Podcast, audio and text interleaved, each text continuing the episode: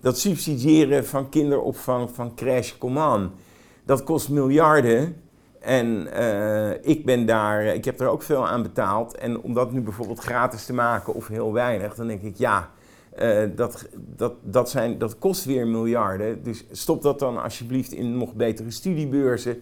Dat soort zaken. We weten niet door wie we over een jaar, wie onze premier zal zijn. Uh, wat heel bepalend is, toch? Altijd met zo'n boegbeeld in de politiek. Maar dat, die hele politiek wordt opgefrist. Er kom, komen nieuwe gezichten, nieuwe mensen. Dat biedt kansen. En eerlijk gezegd was het oude uh, systeem, om het zo maar te zeggen, van politici was ook wel een beetje klaar. Omzicht staat nu op kop met 30 zetels. Dus um, je kan nu misschien wel heel fijn in zo'n positie als Dylan Jezielkes zitten. Een beetje nummer drie. Het is een pelotonnetje van wielrenners. Weet je wel, ze komen allemaal aangevlogen op de finish. En we kunnen nog niet zien wie. Dus als je dan een beetje derde positie bent, dan kun je eigenlijk het voordeel hebben dat iedereen jaagt op die nummer 1. Nu volgt een gesprek met Leonard Ornstein, historicus, journalist en politiek parlementair redacteur. Leonard werkte jarenlang bij Vrij Nederland en Buitenhof. Vanuit zijn expertise als politiek journalist heeft hij brede ervaring met het Binnenhof, van Lubbers tot Kok en Rutte. Hij is winnaar van de Anne Vondelingprijs en schreef vele boeken, waaronder zijn laatste boek Functie Elders, samen met fotograaf Bart Maat. Hoe kijkt Leonard naar de huidige begroting van het demissionair kabinet en de politieke discussie daarover? Welke thema's doen ertoe in de verkiezingen? En wat worden de dominante thema's in de campagne? Dit is de Kitty Koelemeijer podcast. Wil je mijn podcast steunen? Like dan deze aflevering en abonneer je op mijn kanaal. Hier is Leonard Ornstein. De miljoenennota, de algemene beschouwingen, echt in een hele bijzondere context nu. Hè? 41 Kamerleden die vertrekken, verkiezingen die binnenkort komen.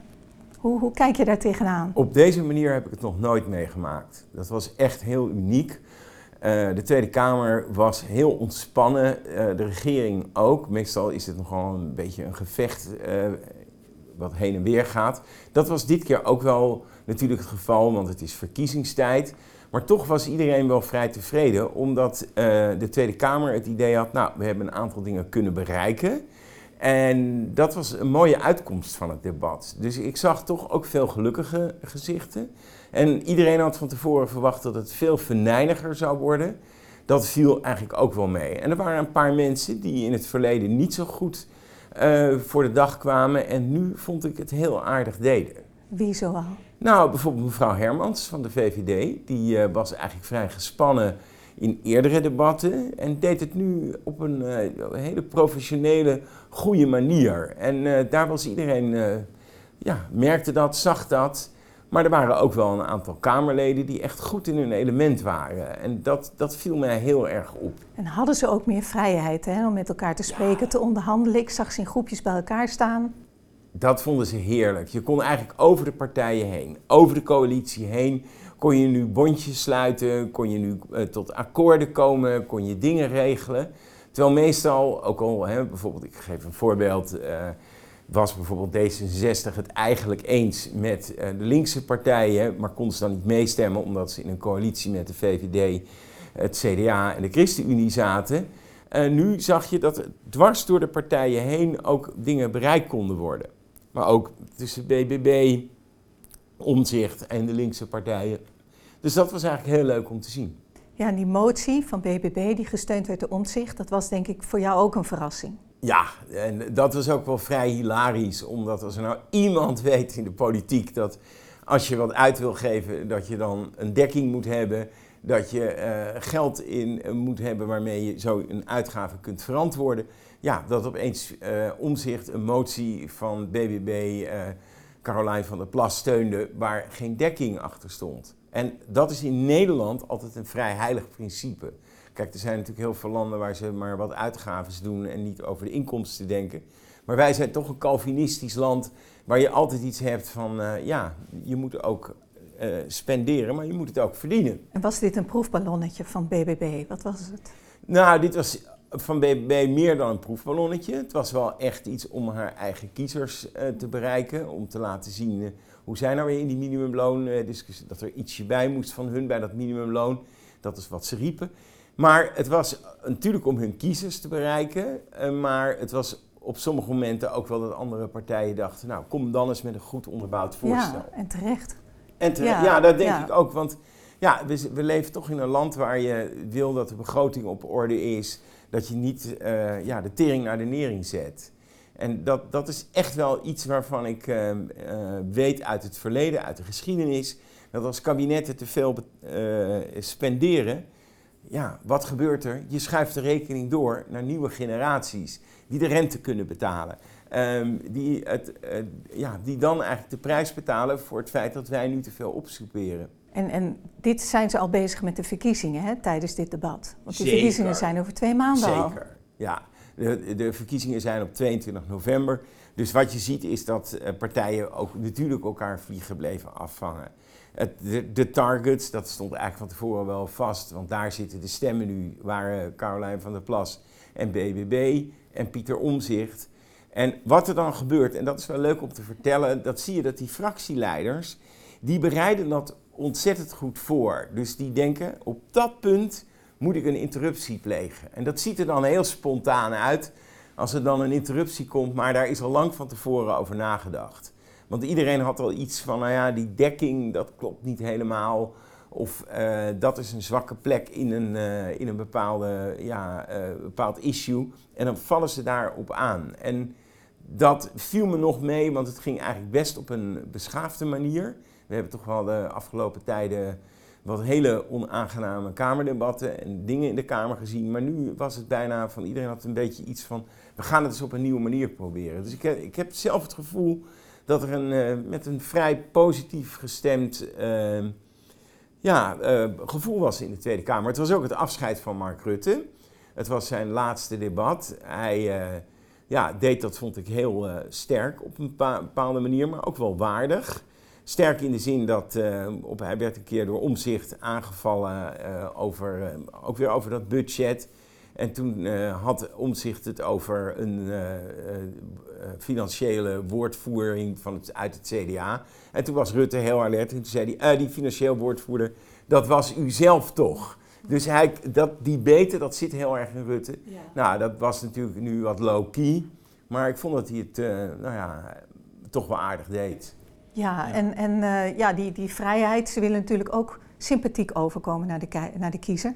Want als je natuurlijk te venijnig bent of, of te, ja, te gemeen overkomt, dat werkt nooit goed. Ja, het, maar wat vooral ze willen is dat mensen zien dat er voor hun belangen wordt opgekomen. Mensen hebben iets van, eh, ik wil dat jij eh, eh, boter bij de vis eh, geeft. Ik wil dat als jij zegt van, ja, het openbaar vervoer wordt te duur, dat je dan ook echt zegt van, ja, dan moet dat treinkaartje volgend jaar niet meteen eh, verhoogd worden. Want de politiek is dan altijd heel goed in het verzinnen van allemaal dingetjes eromheen.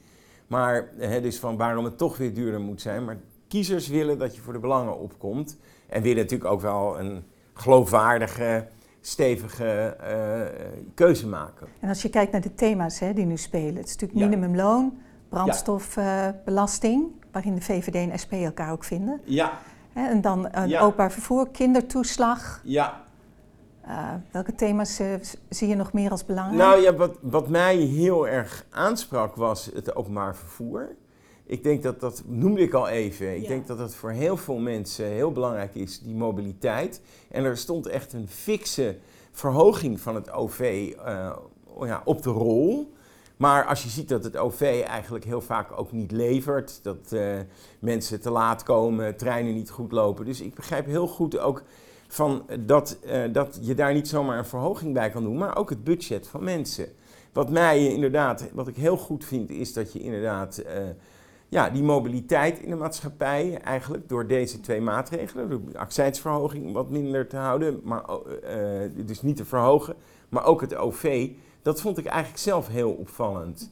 Want het is ook heel, eh, heel belangrijk na corona dat mensen de gelegenheid hebben om eh, mobiel te zijn en te blijven. En dat het niet extreem duur gaat worden. Aan de andere kant moet dat natuurlijk wel duurzaam zijn en verantwoord zijn. Daarom was ik zo blij met die koppeling tussen OV en eh, de accijnsverhoging die niet doorging. Want anders pakt iedereen weer de auto. Dat moeten we natuurlijk helemaal niet hebben. Hè, want dat kan niet met het klimaat. Dus eh, omdat nog heel weinig mensen eigenlijk elektrisch rijden. En dat thema armoede, of, of niet genoeg verdienen. Bestaanszekerheid. ja, bestaanszekerheid. De bestaanszekerheid is natuurlijk ongelooflijk belangrijk geworden. En is eigenlijk out of the blue opeens een enorm verkiezingsthema. Ja. Eerst dachten we allemaal, eh, wat de VVD ook dacht, van asiel, dat wordt het. Nou, ik heb nooit in dat thema geloofd, omdat het een heel gecompliceerd thema is en je daar niet altijd zomaar verkiezingen mee wint. dat eh heeft bijvoorbeeld België aangetoond. Zetten de, eh, ook een paar partijen zetten dat ook, de NVA, een bekende Belgische partij, zetten dat in als thema. Nou, dat werd eh, ook geen overwinning. En bestaanszekerheid, volkomen logisch. De mensen gaan naar de supermarkt. Van, de, laat ik zeggen, de stomerij tot de garagedealer. Alles is hartstikke veel duurder geworden. Alleen al voor de middenklasse. En de mensen die, en dat is heel belangrijk, dat we ja, ook de, de mensen die het nodig hebben onderin de samenleving, eh, eh, die, die, die geen grote rijkdom hebben, dat daar eh, aan gedacht werd om dat minimumloon weer op te krikken en op peil te houden. Zodat mensen ook hun boodschappen kunnen niet doen en niet in de schulden komen. Ja, ik, ik, heb, ik heb op LinkedIn gepost Ja. dat ik zou spreken met jou. En eh, ja, ik kreeg daar een vraag van iemand. En die zei, waarom zou je nou het minimumloon verhogen? Dan schiet je niets meer op, alles wordt duurder. Waarom zorg je niet dat je met een minimumloon meer kan besteden? Ja, nou, ik vind het op zichzelf een goede vraag. Maar eh, wat je meer kan besteden, dan zou je meer subsidies kunnen geven. Nou, hè, dus BTW-verlaging kun je BTW, wat mij bijvoorbeeld heel erg opviel eh, was, als je, ik zat nou even bijvoorbeeld in Amsterdam, had je heel lang een seniorenkaart waarmee je allemaal kortingen kon krijgen. Nou, die is dus heel erg afgeschaft en eh, ik ben even de naam van die kaart vergeten, waardoor eh, gepensioneerden heel veel voordelen konden hebben. Dat is afgeschaft en daarmee wil ik eigenlijk vertellen van subsidies zijn soms heel erg op groepen gericht, dus moet je meer generieke maatregelen treffen. Een probleem is dat mensen eh, die het minimumloon hebben, dan gaan ook de uitkeringen omhoog. Dat is echt belangrijk. En dat begrijpt ook iedereen. Alleen, en daar ben ik het met de vraagsteller wel enigszins mee eens, dat is dat je moet uitkijken dat je niet in een loonprijsspiraal terecht gaat komen. Een enorm risico in dit land eh, hebben we al eerder gehad. Eh, heel lang geleden, zal ik maar zeggen, onder het kabinet en uil. Eh, die konden daar ook niet zoveel aan doen, want eigenlijk zag je het kabinet daarna, eh, ze konden er wel wat aan doen, maar je zag dat het kabinet daarna van Achtiegel in dezelfde shit zat, om het zomaar uit te drukken. Een loonprijsspiraal is heel gevaarlijk en daar schieten we allemaal niks mee op. En dat is wel het risico, daar hebben ook wel politici op gewezen, van, ehm, van dat minimumloon verhogen. Want natuurlijk zeggen de mensen uit de middenklasse, wij willen ook meer salaris. Nou ja, en je weet wat er dan gebeurt, dan gaat het steeds omhoog de trap. En dat, dat is nu door de, ondanks de hoge inflatie nog niet gebeurd. Maar het kan zomaar, het kan zomaar Ja, het geval is- zijn, ja. Precies, je zegt het heel goed. Dat is, dat is een enorm risico waar we nu eh, toch volgens mij wat wel onderschat wordt. En waar ook wel de DNB, de Nederlandse Bank, voor gewaarschuwd heeft. Van kijk nou uit met niet al die salarissen te zeer te verhogen. Maar ik vind wel, kijk, we wonen in een heel fijn land en met veel problemen, veel uitdagingen.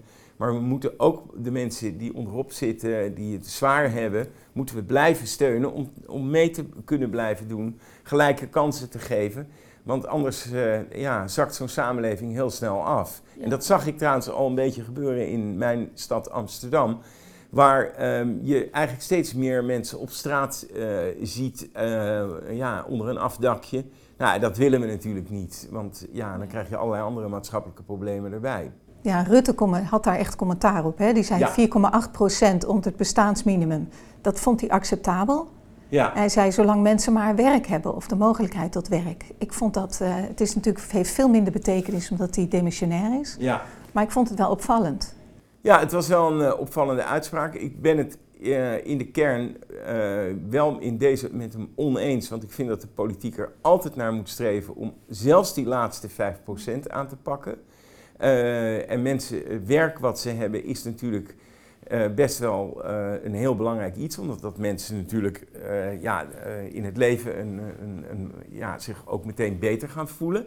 Aan de andere kant zie je dat heel veel van dat werk echt heel dramatisch ja, slecht en moeilijk werk is. Dus ik vind dat je altijd ook die laatste 5% van de mensen, die moet je helpen om te proberen eruit te komen. En als mensen ja, de wilskracht hebben, maar sommige mensen kun je dat ook niet verwijten.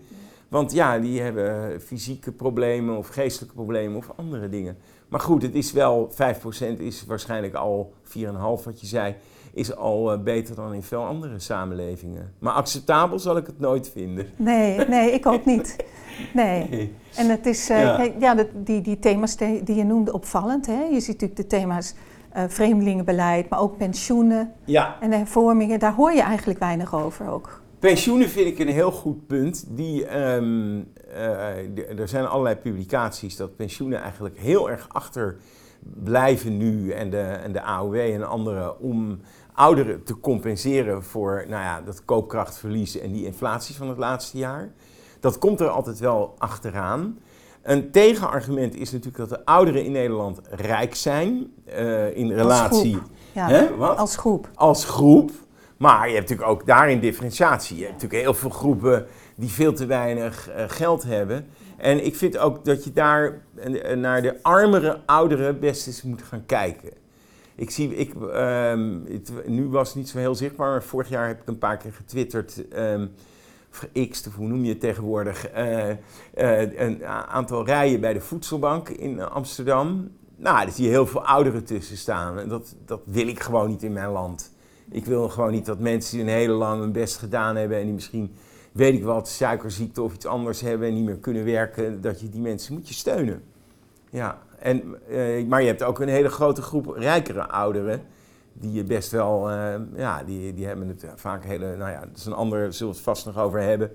Maar met wonen of veel die goed zitten en daar moeten we van kijken hoe we daarmee mee omgaan. Ja, en, en uh, nieuwe pensioenstelsel is natuurlijk al doorgevoerd, ja. ingevoerd. Dus dat, dat is natuurlijk geen discussiepunt meer. Ja. Verwacht jij daar nog uh, veel risico's? Ik bedoel, het is, het is wat riskanter. Verwacht je daar nog grote gevolgen van? Nou ja, er wordt toch wel over dat pensioenstelsel gezegd dat als het uh, met de beurzen, uh, jij bent beter geïnformeerd dan ik, maar als het met de beurzen een keer ja. slecht gaat. En ja, kijk, dat dan die pensioenen ontzettend moeten inleveren. Ja. En dat vind ik wel een groot risico om dat zo te koppelen aan, uh, ja, aan de AEX of aan uh, de Dow Jones of weet ik wel veel wat. Wat toch in wezen ja. gebeurt. Dus uh, ja, in goede tijden zit ja, op de lekker. lange termijn ja. effent dat uit. Maar het, het ja. kan een timingvraag zijn dat je net verkeerd op het verkeerde moment. Nou ja.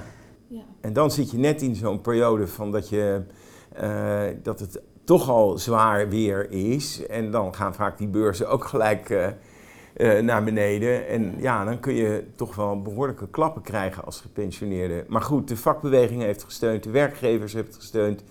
Uh, ze hebben er overeenkomst uh, over gesloten. Dus ja, daar moeten we ons bij neerleggen. Denk nu de Kamer, de Eerste Kamer, iedereen is akkoord. Dus ja, dat is niet meer terug te draaien. Hoewel partijen dat nog wel proberen af en toe. kan natuurlijk altijd. En, en mogen tevreden zijn met de begroting zoals die uiteindelijk uh, eruit komt te zien? We zijn er nog niet helemaal. Um, waar ik wil toch wel zeggen dat ik uh, wel blij ben met een aantal van die maatregelen die genomen zijn. Ik ben wel altijd bezorgd over tekorten. Er is een groep ambtenaren geweest die heeft gezegd 17 miljard ja. uh, moeten we gaan bezuinigen. Nou, ik weet uit het verleden wat voor nachtmerries die bezuinigingen opleveren. Want daar kunnen we nu wel heel makkelijk over doen. De overheid die maar spendeert en maar geld uitgeeft. En eh, ik had daar ook, eh, laat ik zeggen, in een eerdere fase van mijn leven geen problemen mee. Maar nu, ik heb zoveel gezien van wat voor ellende het geeft. Uh, bezuinigingen op de kunst bijvoorbeeld. Ik ben nu ontzettend blij dat ze heel veel geld uitgeven aan bijvoorbeeld nieuwe bibliotheken.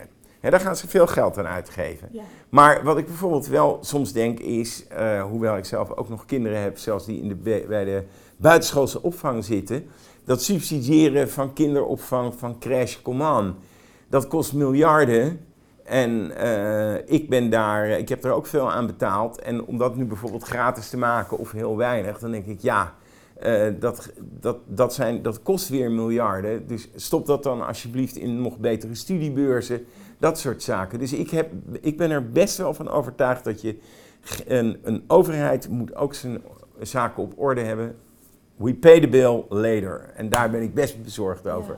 Ja, die rente was natuurlijk lange tijd zo laag. Er waren gewoon mensen die geloofden ook dat het zo laag zou blijven. En dan kun je ook maar doorbesteden, want die, die, die klap komt niet. Maar die komt wel. En opeens bleek renteverhoging op renteverhoging en, te zijn. En, en macro-economen denken ook dat dat de komende tientallen jaren niet beter wordt. dat er in ieder geval een periode van inflatie blijft. Ja, dat is heel eng. Want we weten allemaal dat inflatie dat zorgt voor waanzinnige paniek bij mensen. Vooral hoge inflatie, hè? Ja, hoge inflatie. Uh, nou, we weten dat als je spaargeld verdampt of uh, je, zelfs 10, 20, 15 procent inflatie, wat, uh, waar we nu toch mee te maken hebben gehad, ja, dat hakt erin. En we hebben nu allemaal, of heel veel Nederlanders hebben denk ik wel een buffertje waarmee je dat op kunt vangen. Maar, hè, want er, zijn, er wordt nog heel veel gespaard in, in dit land. Maar op termijn uh, denk ik, nou, de inflatie moet je, moet je onder controle hebben. En uh, dus het is wel makkelijk om te denken van je kunt allemaal met heel veel dure uitgaven. Er wordt natuurlijk heel veel over het klimaat gezegd. Ja, daar geven we 30 miljard aan uit. Ja, daarvan, dat is eigenlijk een enorme zorg van mij. We hebben ook gisteren de meneer Guterres, de secretaris-generaal, gezegd... Uh, we staan aan de vooravond van hel op aarde... En ik, ik deel die klimaatbezorgdheid uh, ja, bezorgdheid toch wel heel erg. Want ja, je hebt het van de zomer gezien. Je gaat op vakantie naar Rodos of uh, naar Zuid-Italië en je in het bos of je hotel staat bijna in de fik. En dat is misschien niet altijd één op één, maar we voelen allemaal dat, dat, hier iets, uh, dat, dat, dat hier echt gewaarschuwd zijn. We moeten opletten. Dus het is goed dat we daar geld in stoppen. En we hebben hier later in deze podcast op een later moment een, uh, marine, een marine dierecoloog. Ja? En die, de oceanen waren ja, lange tijd geleden ook wel een graad of 40. Alleen die CO2-uitstoot kwam nooit boven 300 ppm. Ja. Die, dat, en dat is ja. nu 400 en dat, dat stijgt heel, heel stijl. En dat is ja, een hele objectieve reden voor, voor zorg. Hoe vind, je, hoe vind je dat het klimaat wordt aangepakt nu, de maatregelen? Want dit, dit is natuurlijk voor de doorsnee burger heel lastig te zien of maatregelen gewenste effect hebben. We lezen natuurlijk in de krant over hoge uitgaven om het dan een fractie van een graad de temperatuur omlaag te brengen. En ja, de vraag is of je dat al kan meten, of je dat ook kan toewijzen aan de maatregelen die je neemt. Iedereen ziet de urgentie, bijna iedereen ziet de urgentie wel, maar hoe weet je of de juiste maatregelen worden genomen? Nou ja, het moet tastbaar zijn. Uh, ik wil wel vertellen, dat, of wil, ik wil zeker vertellen dat ik op zonnepanelen op een gegeven moment ben overgegaan. Uh, eigenlijk om uh, drie redenen. omdat het een lange vinger naar Poetin was. Maar ook omdat je het gevoel had, ik kan zelf iets bijdragen aan het klimaat. Ik kan zelf meehelpen om energie te besparen. Want ik zei al, mobiliteit vind ik belangrijk. En ik denk heel veel Nederlanders. Dat je niet in je eigen kokonnetje opgesloten zit. Maar ik wil best bijdrages leveren. Maar als je dan um, een paar uh, maanden later hoort dat het terugleveren, uh, solderen, sanderen, even, ik ben even de naam vergeten, dat je dat teruglevert van elektriciteit, dat dat dan wordt afgeschaft of door die maatschappijen of de overheid die regelingen terugdraait, dat vind ik dan wel moeilijk. Dus je moet ook, en niet dat dat nou individueel voor mij iets uitmaakt, maar ik bedoel er meer mee te zeggen, je wil graag ook resultaat zien. Daar heb je een en wij, zeker Nederlanders, zijn heel resultaatgericht. We willen altijd boter bij de vis. We willen gewoon zien dat het werkt. En ik had echt een, uh, ja, ook best wel een goed idee en gevoel over die zonnepanelen. En zo wil ik, ik kijk nu even vanuit mezelf, graag bijdrages leveren. Ik zou heel graag elektrisch willen rijden, maar ja, dat, A, gaan die auto's nog niet ver genoeg voor waar ik ze vaak voor vakanties voor nodig heb. Dan, uh, in Frankrijk uh, moet je nog veel zoeken of Italië naar laadpalen. Maar ze zijn heel duur nog, maar je wil eigenlijk, en dat vind ik echt een goed punt wat je noemt, je wil resultaat zien. En dat is moeilijk met, met klimaat, omdat het toch een beetje verdedigend is om uh, te zorgen dat het omlaag gaat. En ja, je, je, ja, en, je, je, hebt ja. geen idee of de uitgaven in verhouding staan tot de opbrengsten. Hè? Dus dat, ja. dat, dat is natuurlijk een, een, een punt waar, waar zoveel discussie over komt. En je kunt natuurlijk zeggen, alles is, uh, je moet alles doen wat je kunt doen. En Ja. niet, niet naar, de, naar de prijs kijken, naar de kosten kijken. Maar dat is, dat is een hele lastige boodschap. En ik, ik vind dat zelf ook moeilijk. Hoe, hoe dat te beoordelen. Of dat goed gebeurt. Nou ja, ik- zit nu echt vrij uit te denken, maar je zou natuurlijk toch wel meer dat ook aan de mensen duidelijk kunnen maken. Wat ik eigenlijk heel goed vind, is nu dat je maandelijks via je energieleverancier ziet hoe je het doet. je krijgt zo'n overzicht en dan staat erop, u bent goed bezig. Of er staat, uh, u kunt wel even wat beter aanpakken en wat, wat meer uh, besparen op energie. Dus je wil ook inderdaad, je wil ook, dat, zo zijn wij natuurlijk ook opgegroeid en worden we opgeleid. Je moet wel resultaat zien.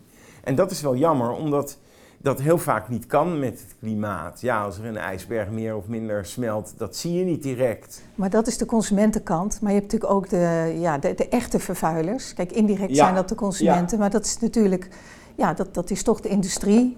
Nou, dat is een grote zorg van mij, want ik ehm, een, uh, mijn stiefvader werkte bij Tata, bij Hoogovens. En ik ben een enorme fan van dat bedrijf.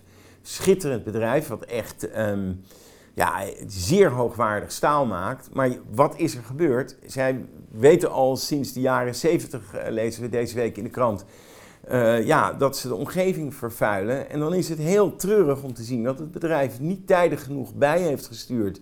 Uh, niet genoeg rekening mee heeft gehouden hoe ontzettend vervuilend en mensen er ziek van kunnen worden. Dat doet pijn. En terwijl ik aan de andere kant denk van ja, we hebben het wel nodig, die industrie. Maar die industrie moet ook begrijpen dat ze. Uh, vorig jaar maakte Tata bijvoorbeeld uh, nog miljarden winst. Ze moeten begrijpen dat ze ook daarin mee moeten gaan met hun tijd. En, want daar zit inderdaad heel veel van de grote vervuiling. Ja. Maar ook kleine, ook, de, ook als jij je plastic flesje nu op straat wegkiepert, ja, dan, dan is dat heel slecht. Of in het, wat ik heel vaak zie, bijvoorbeeld in zwemwater, dat mensen papiertjes en dingen. Nou, dan denk ik echt van, waar ben je mee bezig? Uh, met een plastic flesje in een meer ziet drijven. de, de, hoe heet het, de, plastic soep op de oceaan, daar zal, je, daar zal die meneer ook vast nog wel over gaan vertellen. Ja. Dat is enorm bedreigend. Ja. Ja. Ja. nou is het wel zo dat, dat je krijgt consumenten natuurlijk pas zo dat ze ander gedrag vertonen als ze ook het gevoel hebben dat dat breed gesteund en gedragen wordt. Hè? Dus bedrijven moeten natuurlijk niet afwachten tot ze echt gedwongen worden bepaalde maatregelen te nemen. Maar goed, dat, uh, even weer terug naar die, uh, naar die algemene beschouwingen en de verkiezingen.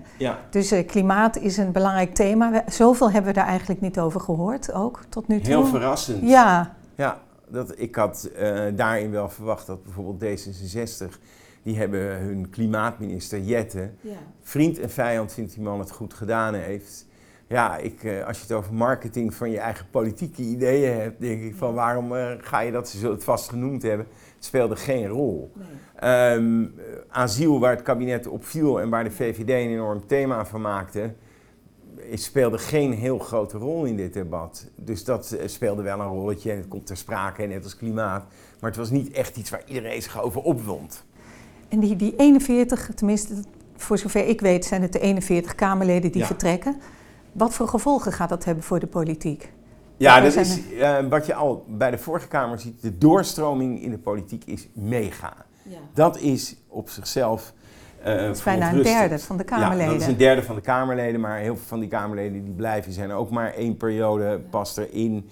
Ik geloof dat er het aantal Kamerleden wat sinds 2017 uh, de, de verkiezingen daarvoor was ook heel beperkt is. Uh, tegenwoordig is, als je 25 jaar Kamerlid bent, is dat al heel erg lang. Terwijl in Amerika zitten natuurlijk dinosaurussen die er 50 jaar in zitten. Dat is een wat ander extreem. Die zijn dan ook wat ouder, hè, vaak? Die zijn soms al 90. Ja, ja. ja. Uh, dat zien we die senatoren. Of, ja, uh, absoluut. Nancy ja, Pelosi, ja, die toch weer terugkomt. Ja, die toch weer terugkomt. Want het is namelijk een heel verslavend uh, vak. Nou ja, in Nederland hebben wij toch wel een beetje een uh, principe dat ja, oude mensen in de politiek er niet meer toe doen. Wat ik heel dom vind. Ik ben natuurlijk ook al wat ouder. Want waarom is het belangrijk? Die, hebben, die nemen een geschiedenis mee. Die weten wat er gebeurd is. Die raken wat minder snel in paniek. Die weten van, ah, dat is al drie keer eerder gebeurd. Wat ik eigenlijk net zei over uh, bezuinigen en te veel geld uitgeven. Ik heb dat gewoon als journalist, ik ben nog geen Kamerlid, maar twee, drie keer meegemaakt dat er vervolgens uh, de pin op de neus kwam met vreselijke bezuinigingen. Dus ervaring en routine is belangrijk in de politiek. En nu is wel heel erg de vorm, het toneel, de omgeving, uh, uh, hoe mensen op beeld overkomen, hoe ze uh, omgaan met hun, ja, weet ik wat, hun kinderen of in, in de roddelbladen. Dat wordt veel, veel te belangrijk. Terwijl het gaat natuurlijk om de inhoud En dat moet je opbouwen. Daar ben je soms jaren mee bezig. Dus ik vind dat verloop in die Tweede Kamer, dat vind ik gewoon slecht. En ik vind ook dat partijen best bij hun sollicitatie kunnen zeggen, niet van uh, je mag blij zijn dat je erop staat. Nee, kun jij eens beloven dat je er acht jaar hier gaat zitten. En dat je niet alleen maar voor die camera gaat werken, maar dat je ook wetten gaat maken, dat je gaat toetsen, dat je met nieuwe voorstellen en ideeën komt. En dat het, het meer is dan alleen de media en de publiciteit. Waarom is dat verloop zo groot? Dat zal toch niet alleen de druk van de media op het privéleven nee, zijn? het heeft ook te maken met bedreigingen. Toch? Ja, ja het heeft zeker, want en dat is natuurlijk een, een gif. En dat zijn slangen die door deze maatschappij gaan en die we, die we maar niet uh, te pakken krijgen, maar, maar niet weten hoe we dat aan moeten pakken. Want wat echt heel eng is, heel veel politici doen een uitspraak, want een politicus moet een gewaagde uitspraak doen af en toe. Die moet ook durven zeggen van uh, ik wil nu dat, dat uh, weet ik veel, auto, uh, elektrische autorijden, ik neem het voorbeeld, ik zie hier een parkeerplaats, neem weer het voorbeeld van de auto, maar dan wil ik dat we, dat we elektrisch gaan rijden. En dan andere mensen die zien hun belangen daarin aangetast. of ze zeggen iets over, we vinden dat er minder migranten moeten komen. Of we vinden juist dat er meer migranten moeten komen. Waar ook, veel voor waar ook iets voor te zeggen is. Mensen met dus, dus, bijvoorbeeld uh, uh, expats die echt hier blijven wonen of hier iets aan de maatschappij willen. Dat kan, veel dingen kunnen niet meer gezegd worden. Mensen worden dan bedreigd via X, het vroegere Twitter, of via andere sociale media. Nou, ik kan je wel vertellen, als je bedreigd wordt één of twee keer van we weten waar je kinderen op school zit en zeker als er dan een bedreiging komt van uh, we weten dat, dat ze al uitgezocht hebben waar een kind op school zit. Nou, dan, hè, wat uh, de minister heeft meegemaakt in de stikstofcrisis, dat vind ik echt heel eng voor politici. En ik ken ook ik ken meerdere politici die echt beveiligingen hebben, die thuis een hond hebben moeten nemen. Nou, allemaal dat soort dingen. En dan, dan stap je de politiek uit. Ja, en dan wil je niet meer. Want dit is wel exceptioneel, die 41, ja. Ja, en, en dat, hoe voorkom je dat? Hè? Wat, wat kun je dan doen? Want als, als je geen maatregelen neemt, dan blijft dat doorgaan. Nou ja, een van de dingen die ik niet begrijp is waarom uh, veel van die bedreigers... Hè, Zembla had een goede uitzending daarover... waarbij ze uh, dus die bedreigers op zijn gaan zoeken... Uh, bleek een 70-jarig oud dametje te zijn in een Brabants dorpje, geloof ik die ook allemaal die belachelijke dingen naar politici uh, uh, twitterden. Kijk, ik vind dat heel erg um, raar dat al die social media bedrijven niet heel snel die mensen kunnen achterhalen. Dat zou misschien technisch best mogelijk moeten kunnen zijn. Het is niet makkelijk, fake namen, weet ik wat. Maar je zou veel meer uh, moeten uitpeilen wie nou die bedreigers zijn. Nou ja, soms komen ze ook uit andere landen natuurlijk. Ja, je loopt tegen privacy aan, hè? Ja, dat is natuurlijk een groot probleem. Maar het bedreigen vind ik... Uh, ja, kijk, als iemand een crimineel uh, een daad verricht op straat... wordt hij ook aangehouden. En dan, dan zal die privacy... Dus dan zul je ook nadenken hoe, tot, je, hoe ver je je tot privacy verhoudt. Hè? Niet voor niks hebben we een zwart balkje voor een crimineel. Ja, maar je hebt vrijheid van meningsuiting. Ja. Mensen roepen verschrikkelijke dingen, maar hebben niks gedaan. En je weet ook niet of ze de intentie hebben om dat te doen.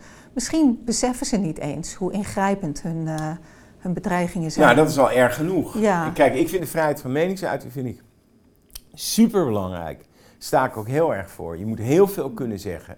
Maar wat ik niet zie zitten is uh, te zeggen van als jij uh, gaat zeggen van het minimumloon uh, moet omlaag, dat je dan meteen een, een tweet, tweet, krijgt van uh, ja, we weten je kinderen te vinden. Ja. Ik, ik, maak natuurlijk een beetje, ik geef niet helemaal het goede voorbeeld, maar... Dat, dat gebeurt natuurlijk veel breder ook, ja. hè? Als, als je ook maar even een opinie uit, dan, dan, dan krijg je dat soort dingen.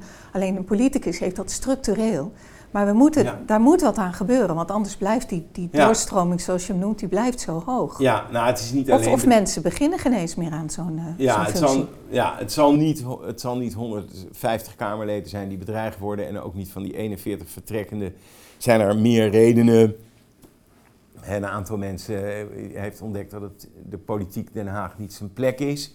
Maar die bedreigingen, daar, eh, daar moet toch structureler over nagedacht worden en aan gewerkt worden.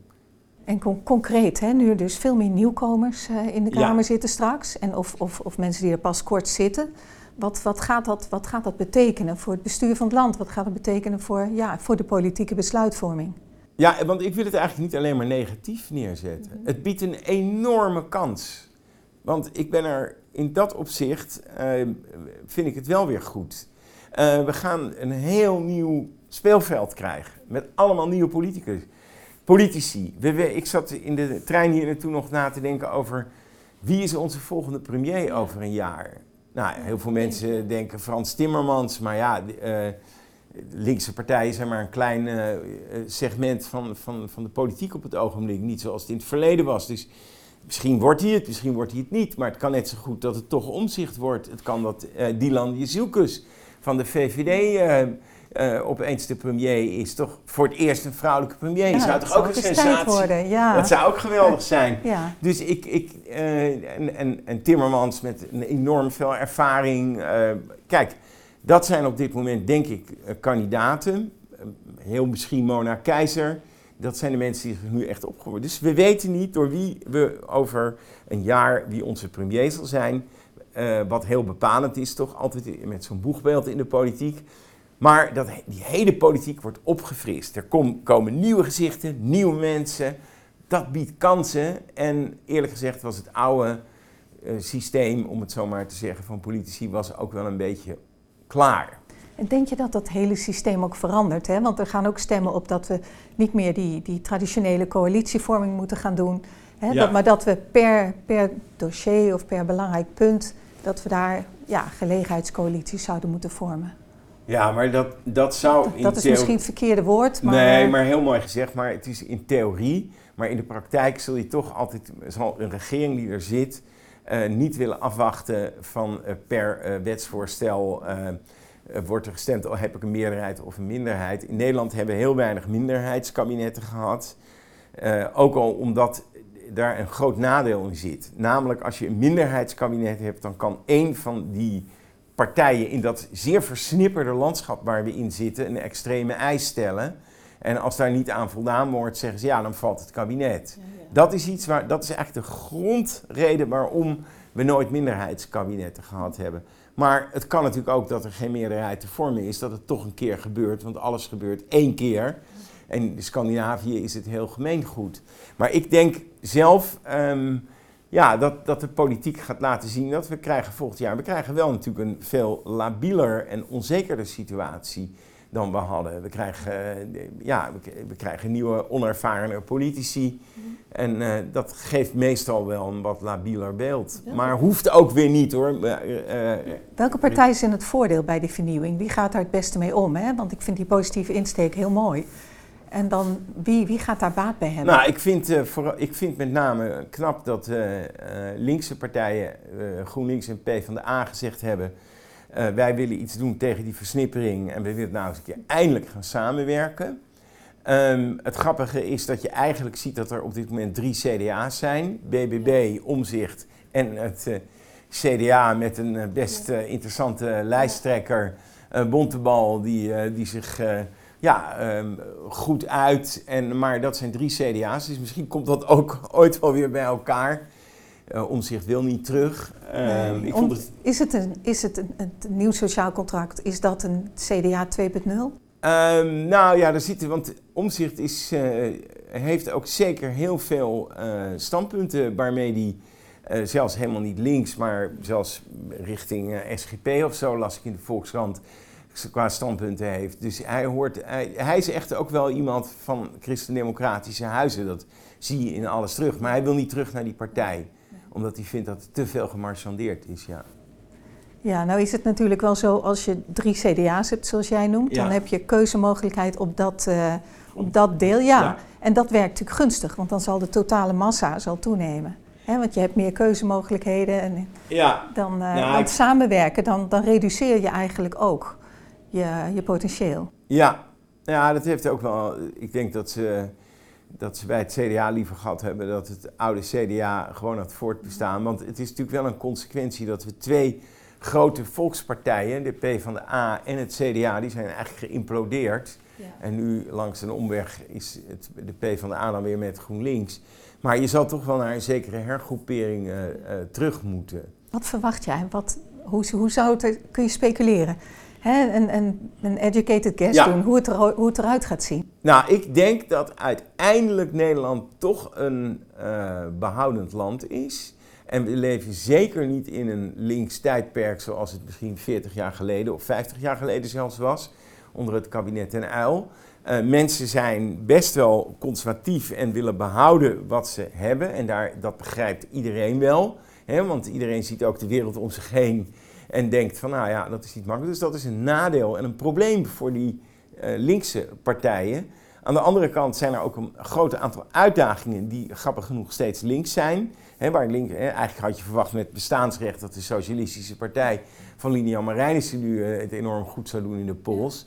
Ja. Uh, bestaansrecht, maar klimaat uh, is eigenlijk ook natuurlijk een thema waar Frans Timmermans zich heel erg mee kan profileren. Ik denk zelf dat je een coalitie krijgt waarin, wat ik nu al zie, is dat Omzicht het goed met Timmermans kan vinden. Dat vind ik een hele verrassende. Dus ik zie de blokken van Omzicht en Timmermans wel een beetje naar elkaar toe groeien. Maar de grote vraag is, hoe verhoudt zich dat tot de VVD en BBB? Ik zie BBB en Timmermans, uh, bepaalde stromingen binnen BBB kunnen daar wel weer mee overweg, maar andere, uh, GroenLinks en BBB, dus het wordt, werkt weer niet dus die, binnen, binnen de, uh, die eenheid. Dus mijn verwachting is eerlijk gezegd dat je een hele ingewikkelde formatie gaat krijgen. Dat denk ik op dit moment. Ik ben ook geen helderziende. Maar uiteindelijk ehm, zou het mij niet verbazen als er toch een premier komt die we, waarvan we de naam nu nog niet weten. Want dat was in 2002, het jaar van Pim Fortuyn, was dat ook zo. Niemand had eigenlijk nog van Jan-Peter Balkenende gehoord. En opeens komt er dan een tamelijk, ik kende hem wel, al zelf natuurlijk als politiek journalist, maar opeens komt er dan een nieuwe politicus naar boven drijven. Maar ja, die zal wel haast moeten maken. Want eigenlijk zie je nu dat de, de key players uh, al wel zich gemanifesteerd hebben. Dus misschien dat het toch Frans Timmermans wordt, misschien dat het toch Dylan wordt. Ja. We, zien natuurlijk enorme fluctuaties ja. in, in, uh, in, de peilingen, hè, met zetelaantallen. BBB die wegzakt, omzicht die torenhoog is. Ja. We hebben nog niet eens het verkiezingsprogramma kunnen lezen. Precies. Dus, dus wat, wat, wie verwacht jij dat de grote winnaars en de grote verliezers worden, uiteindelijk? Um, nou, op dit moment, als ik erover speculeer, denk ik dat de aanvallen op omzicht over zijn programma, dat die er toch wel subtiel nog komen. Dus dat, daar zijn ze natuurlijk nu allemaal op aan het studeren. Van hoe kunnen we, want omzicht staat nu op kop met 30 zetels. Dus um, je kan nu misschien wel heel fijn in zo'n positie als Dylan Jezielkes zitten. Een beetje nummer drie. Het is een pelotonnetje van wielrenners. Weet je wel, ze komen allemaal aangevlogen op de finish. En we kunnen nog niet zien wie. Dus als je dan een beetje derde positie bent, dan kun je eigenlijk het voordeel hebben dat iedereen jaagt op die nummer één. En dat zie ik nu um, wel gebeuren. Dus ik denk dat omzicht uh, dat het nog wel iets omlaag zal gaan. En ik denk dat Timmermans ook van zijn internationale bekendheid gebruik gaat maken. Hij heeft het telefoonnummer van Macron. Uh, hij kan zo bellen, terwijl, uh, ik, noem maar wat, uh, Jezielkus en Omzicht, die moeten nog eerst kennis maken met al die wereldleiders. Dus dat gaat hij wel, denk ik, gebruiken. Ik denk dat um, politici heel belangrijk wordt, hoe wordt het contact op straat? En dan niet alleen maar um, even snel een handje geven, maar hoe goed ga je luisteren naar die kiezer? Wat vang je op als je de wijken ingaat? Wat, wat hoor je dan? En dat is natuurlijk belangrijk, want straks krijg je die debatten en dan moet je goede verhalen vertellen. Ja. En daar heb ik nog één opmerking ja. over te maken. Ik vond een, gisteren, wat ik nou zo mooi vond, was Christoffer van de SGP.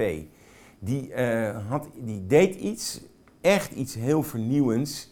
Die, de man bleek een geweldige verhalenverteller over zijn eigen familie te zijn. Waar hij vandaan kwam, hoe dat opgebouwd was. Hij kon dat heel mooi vertellen. Terwijl nou juist de SGP een partij is die nooit veel met marketing, nooit veel met politieke marketing, nooit veel met media deed. Maar nu opeens stond daar een nieuwe lijsttrekker. Um, of je het met hem eens bent of niet eens bent, doet er niet toe. Hij ging een verhaal vertellen en je zag mensen daarnaar luisteren. En ik denk dat degene die deze verkiezingen wint, dat gaat niet de SGP worden. Want die hebben geloof ik twee of drie zetels. Die mogen altijd blij zijn met drie als nee. En die zijn wel opgegroeid met verhalen trouwens. Die zijn ja. opgegroeid met prachtige Bijbelse verhalen. Maar dit was geen Bijbels verhaal, hoewel die soms ook uh, dat natuurlijk even een uitstapjes naar maakt. Maar ik denk, de politicus die een goed verhaal vertelt, maar niet alleen maar feitjes en de inflatiecorrectie. Ja, want Timmermans kan dat toch als geen ander. Timmermans en die gaat hij- daar heel erg ver in. Jij hebt het helemaal raak, Timmermans. Ja, kan maar hij gaat daar wel heel erg ver in, hè? Maar dat willen de mensen, willen een Willen verhaal, die willen dat? meegenomen. Die willen meegenomen worden in verhalen. Er is ook nu wel een tijd gekomen dat, je, dat mensen iets hebben van waar gaat deze wereld in vredesnaam naartoe? En gaat het, krijgen we nog oorlogen erbij? Krijgen we nog meer klimaatshit erbij? Dus, maar dat zeg ik, ik ben eh, daarin eh, eh, ja, iemand die denkt van dat kan iedere partij, vertel een verhaal. Kom met een idee. En dat verhaal hoeft niet eens altijd te zijn van een grootse visie. Maar alleen als je alle tijd die, al die feitjes maar noemt van ik wil eh, zoveel procent minder CO2 of dit of dat. Kijk, en dat is misschien ook wel, dat, dat, dat werkt wel. Maar uiteindelijk willen mensen een verhaal nu weer eens horen. En dat is ook wel een beetje een nadeel voor omzicht. Want hij heeft een heel groot voordeel door het feit dat we hem vertrouwen. Dat we denken, dat is nou een echte parlementariër die het weet, waar hij het over heeft. Die boter bij de vis wil leveren. Alleen, ehm, ja, ik, ik, bij hem ben ik ook wel benieuwd, wat is nou zijn verhaal? Dus daar, waarschijnlijk heeft hij daar wel aan gewerkt, want het boek van hem is heel goed. Ja, het verhaal is natuurlijk Ja. de vorm en het gaat toch Ja. ook om de inhoud. Zeker. En soms heb ik wel het gevoel dat het doel de middelen heiligt. Hè? Dat, dat dat verhaal ook, de, de inhoud daarvan ook wordt opgerekt om het wat overtuigender te Ja, maken. En dan ben je mij bijvoorbeeld al kwijt. Ja, ja, ja. Ja, ja, dat klopt. Nou ja, ik denk dus dat ehm, politiek is altijd een beetje theater. En dat zal het ook altijd blijven. En we hebben fases dat het meer gaat. Ik denk nu dat storytelling in het politieke theater een belangrijk punt gaat worden. Het is in mijn vakgebied gaat draait natuurlijk ook ontzettend. Als je het over merken hebt, de communicatie van merken, Ja. branding, dat is allemaal storytelling. Maar eigenlijk, eigenlijk als, ik, als ik jou interpreteer, hè, dan zeg ik ja, die, die identiteit, die, het merk van de politieke partijen is, is wat verwaterd, is wat minder Ja. onderscheidend en duidelijk. En dan heb je dus eigenlijk een herpositionering nodig. En daarbij hoort dan een verhaal wat je goed vertelt. Nou ja, kijk, bijvoorbeeld bij de VVD zie je dat ze vroeger altijd het hadden over de vrije markt en het liberalisme. Nou, daar is iedereen nu een beetje op aan teruggekomen. Ja, what's their new story? Hè? Wat is hun nieuwe verhaal? Dat wil ik weten. En dat gewoon nieuwsgierig naar. Ehm, de Christen-Democraten hebben natuurlijk altijd dat verhaal van normen en waarden. Nou, goed verhaal. Dat spreekt veel mensen aan als je eh, door de grote steden fietst en je wordt omvergereden door een fatbike. Ja, dan denk je, jongetje, pas eens even op. Wees beleefd. En dat, eh, ja, dat soort dingen. Het klinkt een beetje ouderwets, maar dat is de story van het CDA. Ehm, het verhaal van links is, die kunnen ook een goed verhaal vertellen over klimaat, over andere zaken. D66 ook, daarom was ik zo verbaasd dat ze daar eh, met hun minister niet op in gingen. Te weinig dat naar voren brachten. Ehm, denk je, ik, ik kreeg ook een vraag. Ja. En denk jij dat mensen voldoende snappen van politiek en het politieke proces? Want iemand vroeg eh, via LinkedIn aan mij: eh, waarom, waarom is er op tv of bij de actualiteitsrubrieken geen masterclass? Ja, politiek, besluitvorming. Hè? Denk je dat mensen goed snappen hoe alles in zijn werk gaat? Dat Ja. ze daar voldoende begrip van hebben? Nou, ik vind dat echt een ontzettend goed punt. Eh, ik denk dat dat veel te weinig is. En ik vind dat de politiek ehm, ja, is toch vaak ook iets voor insiders. Mensen willen toch eh, boter bij, bij de vis. Mensen willen zien eh, wat dingen werken. Willen niet alleen maar horen van ja, we gaan eh, de woningnood aanpakken. Nee, ze willen weten hoe het werkt. Maar als je het over politiek en kennis hebt. Ik vind dus enorm goed, en daar werk ik zelf aan mee. De NPO heeft nu een rubriek NPO Kennis. Staat op, eh, eh, heeft een eigen website, staat op internet. Eh, die is gericht op jongeren, maar ook op ouderen. Ik schrijf daar zelf voor. Ik heb dus nu een heleboel politieke profiles samen met Larissa Pans geschreven over alle partijen. Ehm, die kun je gewoon nakijken. NPO Kennis, heb ik net weer een verhaal voor Pieter Omzicht gemaakt. En dat vind ik goed van bijvoorbeeld publieke omroep. Dat je mensen eh, wegwijs maakt in die politiek. Maar niet alleen de publieke omroep. Ehm, de journalistiek in zijn algemeenheid heeft een taak om die ingewikkelde problemen uit te blijven leggen. En een politicus die uh, te ingewikkelde taal spreekt, daar vind ik trouwens dat we best wel eens af en toe kritiek op om zich kunnen hebben. Want hij komt met enorme technische verhandelingen uh, af en toe aanzitten waar echt niemand wat van begrijpt, behalve hij zelf. Ja, dat is belangrijk. Dat je ook in, uh, in taal spreekt die mensen uh, begrijpen en dat je het probleem goed uitlegt. Ook weer storytelling. Ja. Heb je zelf wel eens overwogen de politiek in te gaan? Um, nou, niet echt nee, want ik ben al mijn hele leven journalist. Maar um, ja, het is altijd als je, laat ik zeggen, voetbalverslaggever bent dan had je zelf ook wel een paar wedstrijden willen, willen voetballen. Hetzelfde geldt voor bijvoorbeeld uh, een toneelrecensent. die zou ook wel eens toneel willen spelen. Je zegt dus dat daar is een apart talent voor nodig ja, om een goede politicus te zijn. En, en, dat, dat bezit je niet per se als journalist, dat, dat ja. geloof ik. Maar wat is dat talent dan? Wat maakt politicus? je een goede politicus? Ja. Nou, een goede politicus moet aan een heleboel uh, voorwaarden voldoen. Een goede politicus moet... Uh, uh, een zich goed kunnen uitdrukken. Een goede politicus moet um, kunnen overtuigen, maar moet ook zijn eigen achterban op orde hebben. Uh, moet, niet, uh, moet ook het leuk vinden om in de heat of the beat te staan. Dus leuk vinden om, ja, om aangevallen te worden. Leuk vinden of begrijpen dat er af en toe dan ook hele nare kanten aan zitten. Een politicus moet, en dat is natuurlijk ook een groot verschil met de journalistiek. Ook niet helemaal, want daar zitten ook van dit soort kanten aan. Macht. Je moet macht willen hebben. Wat is macht? Dat je toch uh, mensen die kant of die kant op wil laten lopen. En mijn rol is meer om waar te nemen. Mijn rol is meer om te recenseren. Mijn rol is meer om geweten uh, te spelen. Dus ik heb een andere rol. En die nieuwe, die nieuwe Kamerleden, heb je nog een advies voor ze? Um, authenticiteit. Maar één woord, blijf authentiek. Ga niet uh, uh, verhaaltjes vertellen uh, die, waar je eigenlijk niet in gelooft. Um, probeer natuurlijk de, de, de fractielijn waar je in zit, die moet je vasthouden. Maar blijf jezelf en durf ook met je eigen standpunten te komen. Want zo komen we alleen maar vooruit in dit land. Als we allemaal hetzelfde praten, conformistisch zijn, wat heel vaak gebeurt hoor in die fracties dat mensen zich veel te veel aan dat ik twee jaar later hoor van eigenlijk vond ik er dit van, maar ik moest uh, tegen of voorstemmen. Ja, dat vind ik vreselijk. Gebeurt dat nog veel? Kadaverdiscipline? Ja, dat gebeurt heel veel. De kadaver, de discipline, dat ze echt iets moeten ondersteunen waar ze eigenlijk wel van denken, nou ja, ja dat is natuurlijk aan ons journalisten om daar uh, vaak doorheen te prikken. En ook uh, bijvoorbeeld bij links is heel lang het praatje geweest van klimaat, klimaat, klimaat. Maar toen waren ze even vergeten dat, ja, dat kunnen misschien rijke mensen betalen. Maar voor arme mensen is dat niet zo simpel om hun bijdrage te leveren. Dus ja, vandaar dat die Green Deal er kwam. Dat je ook moet proberen om alle bevolkingsgroepen daarin mee te nemen. En toevallig jouw eigen achterban, die het wat minder heeft ook. Ja, en, en ook begrijpen dat, dat, dat het leven gewoon veel zwaarder is als je problemen met bestaanszekerheid hebt. Dus dat het niet dat het, dat het vanuit, een, vanuit zo'n positie veel moeilijker is om, om soms je milieuvriendelijk te gedragen. Ja, ja. ja, een leuke elektrische auto, maar als die hartstikke veel geld kost, ja, ja, dan uh, ja, we rijden niet allemaal op Tesla. Nee. nee. Nee, ik hoorde dat uh, een waterstofauto een, een, uiteindelijk een betere keus wordt. Maar ja, daar geldt precies hetzelfde voor. Dat er, uh, ja. Komt, ja. ja. Maar dat is nog een lange weg. Ja. Daar heeft mijn vader zich ooit op gericht als natuurkundige. En dat was lang alweer 40 jaar geleden. Hij is al lang overleden, 40, 50 jaar geleden. Maar dat voordat een auto, hij was echt een hoogleraar daarin, maar voordat auto's op waterstof rijden, het is een enorme droom.